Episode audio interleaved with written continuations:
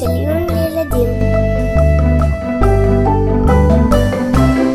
שלום ילדים, אתם בוודאי יודעים שבתורה יש הרבה מאוד מצוות שקשורות לחסד, לעזרה למישהו אחר. היום נדבר על סוג מיוחד של מתנות שאנחנו מצווים לתת לעניים. אתם יודעים שפעם, בעבר, כמעט לכל אחד, לכל משפחה, היה ליד הבית שדה, אחוזה, נחלה, לא גינה קטנה כמו שאולי יש לחלק מכם גם היום, אלא חלקת קרקע גדולה שאפשר לגדל בה תבואה שממנה המשפחה הייתה אוכלת. לעניים, האנשים החלשים בחברה, לא הייתה אדמה לגידול אוכל. אתם יודעים, עכשיו חודש סיוון זה הזמן של הקציר של השדות, הזמן שבו הרבה מהפירות שעל העצים מתחילים להבשיל. תנסו לדמיין לעצמכם משפחה של עניים שחיה פעם בעולם העתיק. כמעט לכל האנשים סביבם יש שדות ומטעים, ומגיע זמן הקיץ. כל בעלי השדות והמטעים מתחילים לאכול מהפירות שהם גידלו כל השנה, למכור אותם בשוק, להרוויח כסף. ורק המשפחה הזו של העניים מתבוננת מהצד, עצובה. במשפחה הזו יש ילד, אלצפן. אלצפן לא יכול לצאת לשדה ולקטוף אפרסקים או ענבים, וגם כמעט ואין לו בבית כסף כדי ללכת ולקנות. הילד הזה וכל המשפחה שלו לא מרגישים בכלל חלק מחגיגות הקציר.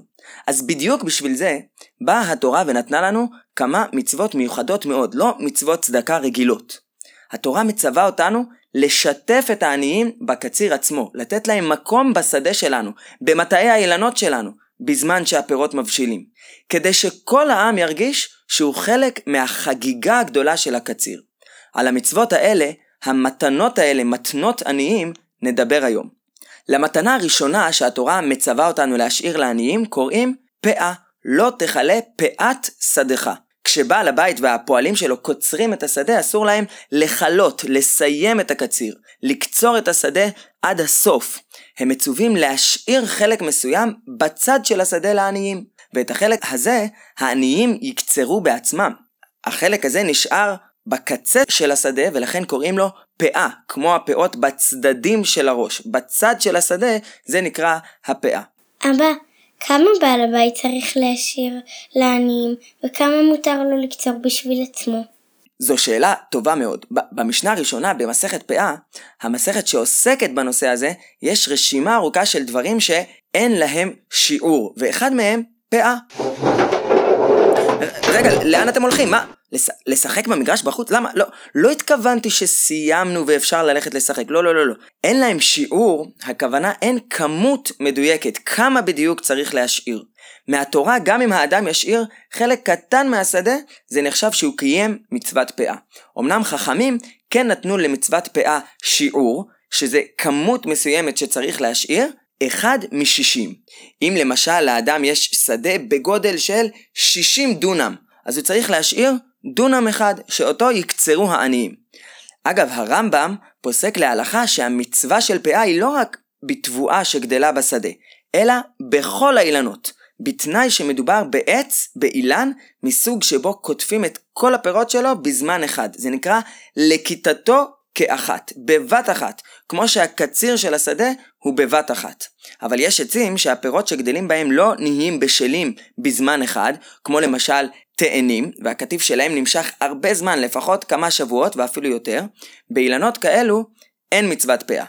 אגב, מי יודע מה המילה המיוחדת בעברית לקטיף של תאנים? מי שרוצה לענות יוכל ללחוץ על הקישור שמתחת הפרק, לענות ולשלוח אליי. בדרך לבית הספר שלי יש הרבה עצי דקל מאוד גבוהים, איך אפשר לקיים בהם מצוות פאה? מה, כל העניים יתחילו לטפס ולהוריד את התמרים בעצמם מלמעלה? זה עלול להיות מאוד מסוכן. את ממש צודקת, ולא תאמיני, ממש על המקרה של עץ דקל, יש משנה במסכת פאה. המשנה אומרת שבדקל לא מקיימים את מצוות פאה על ידי כך שמשאירים את התמרים על הדקל למעלה, כי זה באמת מסוכן. אלא דווקא בדקל, הבעלים מוריד את התמרים בעצמו מהעץ, ומחלק אותם לעניים שבאים. אבא, זה מזכיר לי את רות המואביה בסיפור שהיא הלכה לבועז.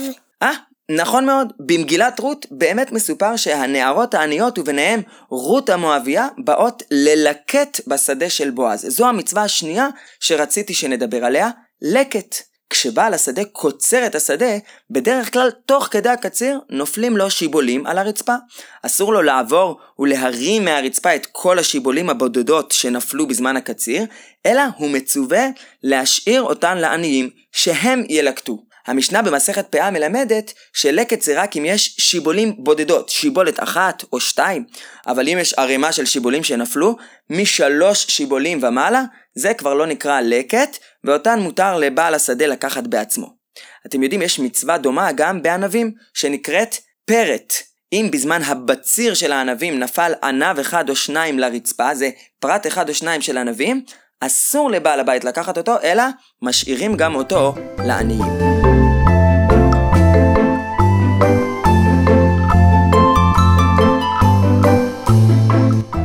מצווה נוספת שקשורה לקציר היא מצוות שכחה.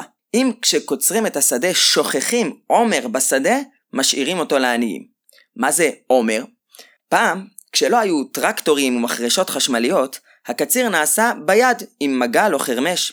אוספים ביחד ערימה של שיבולים לאלומה, קוצרים אותם עם המגל, ואז עוברים לאלומת השיבולים הבאה וקוצרים גם אותה.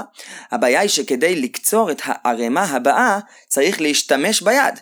והיד הזו, אוי, מישהו יכול לקחת ממני את השיבולים האלה שקצרתי לפני רגע, אני צריך להשתמש ביד בשביל לקצור את אלומת השיבולים הבאה.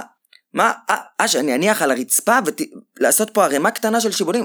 רעיון מצוין. הנה, אני עושה כאן ערימה של, של כמה אלומות שקצרתי באזור הזה של השדה, ואני מתקדם הלאה בשדה לאלומות הבאות. כך במהלך הקציר היו נערמות הרבה ערימות קטנות של שיבולים שכבר נקצרו, ולכל ערימה כזו קוראים עומר. בסיום הקציר, בעל הבית עובר ואוסף את כל העומר לערימה אחת גדולה, שנקראת גדיש, ואם תיסעו בתקופת הקיץ בזמן הקציר ליד שדות שלא מזמן נקצרו, תוכלו לראות גם היום מלבנים ענקיים של קציר, שהיום קוראים להם גם בלות. המצווה של שכחה אומרת שאם האדם שכח ולא אסף את אחת הערימות הקטנות, העומרים, אסור לו לשוב ולקחת את הערימה, אלא הוא צריך להשאיר אותה לעניים.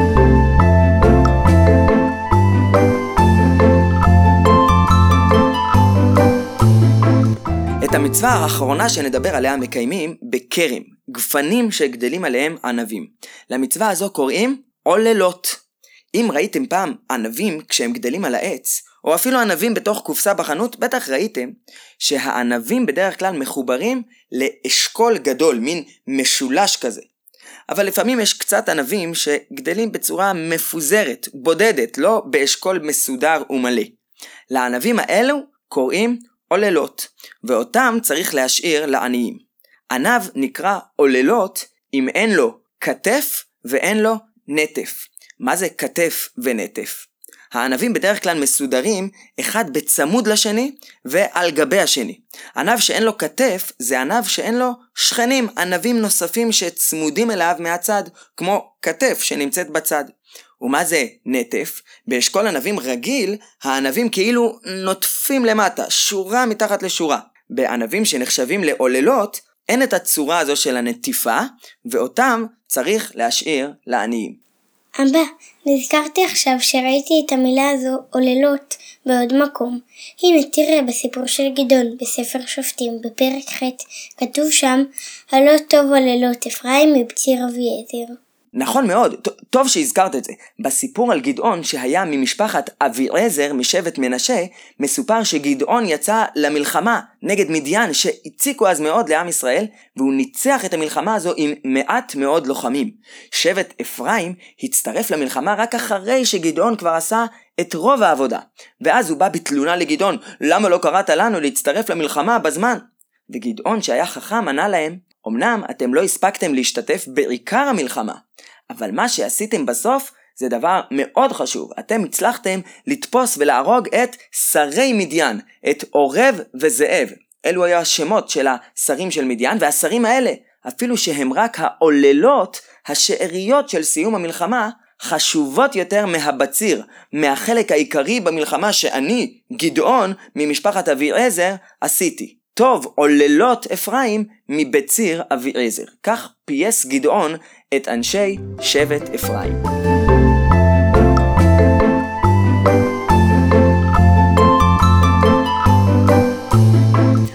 אתם ודאי מבינים מה מיוחד כל כך במצוות מתנות עניים. תחשבו על המשפחה הענייה הזו שדיברנו עליה בתחילת הפרק, שגם היא, כמו כולם, מחכה כל כך לקיץ. שבוע אחד הם הולכים לקצור את הפאה של משפחת כרמיאלי, ובשבוע שאחרי הם הולכים ללקט בשדה של משפחת חרמוני, ולאסוף את העומרים שנשכחו אצל משפחת אלימלך. וככה גם כשמגיע זמן הבשלת הפירות של העצים, זמן הבציר בכרם וזמן המסיק של הזיתים. גם המשפחה הענייה הופכת לשותפה בשמחה הגדולה של גידולי הפירות בארץ. בתקופה שלנו, ילדים, קשה לקיים את המצוות האלה. כמעט לאף אחד אין שדה, ולנזקקים לא נוח להגיע עד השדות הרחוקים ולקצור את הפאה שישאירו להם. אבל אנחנו יכולים ללמוד מהמצוות האלו על היחס הראוי לנזקק ולחלש שסביבנו. כן, כן, גם אתם, ילדים, יכולים ללמוד מהם איך להתייחס לילד או ילדה שקצת רחוקים מכולם, עצובים, אם יש למשל ילד שאף אחד לא משחק איתו בהפסקה, והוא לא משתתף בשמחה של כולם, אז נוכל ללמוד ממצוות פאה, לדוגמה, איך להפוך אותו להיות שותף, להיות ביחד עם כולם, שהוא ירגיש שהמשחק הוא גם שלו. התורה מלמדת אותנו שעלינו לדאוג לכך שכל ילד וכל מבוגר ירגישו שייכים, ירגישו שיש להם מקום וחלק בחברה שבה הם נמצאים. לסיום, אשאל אתכם שאלה נוספת שתוכלו לענות עליה בתשובון. איזו עוד מצווה שקשורה לקרקע או לגידולים חקלאיים של הקרקע, התורה מצווה אותנו בקשר לעניים. אשמח מאוד לקבל את התשובות שלכם, ו... להתראות בפרק הבא.